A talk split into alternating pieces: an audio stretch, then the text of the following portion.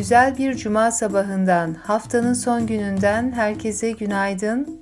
Ne bilsem ekibi tarafından hazırlanan haberlerimizle yeniden karşınızdayız. Hazırsanız başlayalım.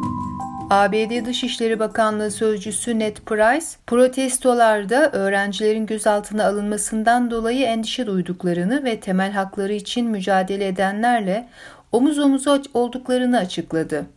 Price, Süleyman Soylu'nun açıklamalarına yönelikse cinsel azınlıklara karşı nefret söylemini kınadıklarını belirtti.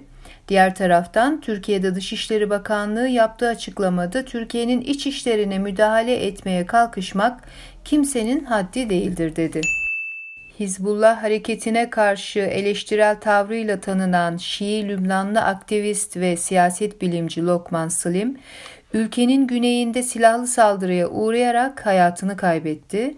Slim'in kız kardeşi Hizbullah'ı suçlarken örgüt bir açıklama yapmadı. Slim 2020'deki Beyrut patlamasında da örgütü sorumlu tutmuştu. Öte yandan Slim Hizbullah destekçileri tarafından ABD'nin maşası olarak görülüyordu. İngiliz medya düzenleyici kurumu Ofcom, Çin Komünist Partisi'nin programlar üzerindeki kontrolünü gerekçe göstererek devlete ait TV kanalı CGTN'in Birleşik Krallık'taki yayın lisansını iptal etti. İngiliz medya düzenleyicisi ayrıca ön yargılı, adaletsiz ve özel hayata saygıya aykırı olarak nitelendirilen haberleri için de devlet kanalı CGTN'i hedefleyen bir yaptırım prosedürüne yakında karar vereceğini söyledi. Fransa'da cinsel tacizle suçlanan Halk Birliği Partisi Başkanı François Asselineau gözaltına alındı.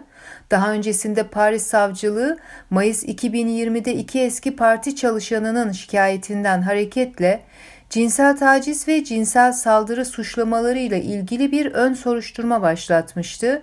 Frexit söylemiyle Avrupa Birliği ve NATO'dan ayrılma taraftarı olan Asalino, 2017 seçimlerinde de Cumhurbaşkanı adaylarından birisiydi.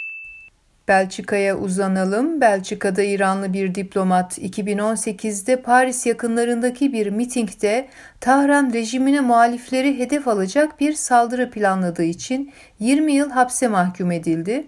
İddiaları reddeden 49 yaşındaki diplomat Esadi, suikast girişimleri ve bir terör örgütünün faaliyetlerine katılmaktan yargılanıyordu.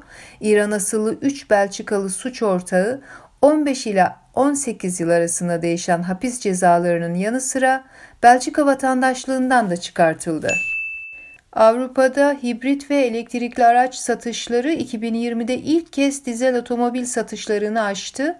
İmalatçılar Birliği'nin rakamlarına göre elektrikli araç satışları Avrupa'da 2020'de ikiye katlanırken hibrit araçların satışları da 3 kat artarak toplamda bu alanda 1 milyon araç satışına ulaşıldı. Ne Bilsem ekibi tarafından hazırlanan haber bülteninin bugün de sonuna geldik. Yarın daha güzel ve daha mutlu haberlerle birlikte olmayı ümit ediyoruz. Sağlıkla kalın.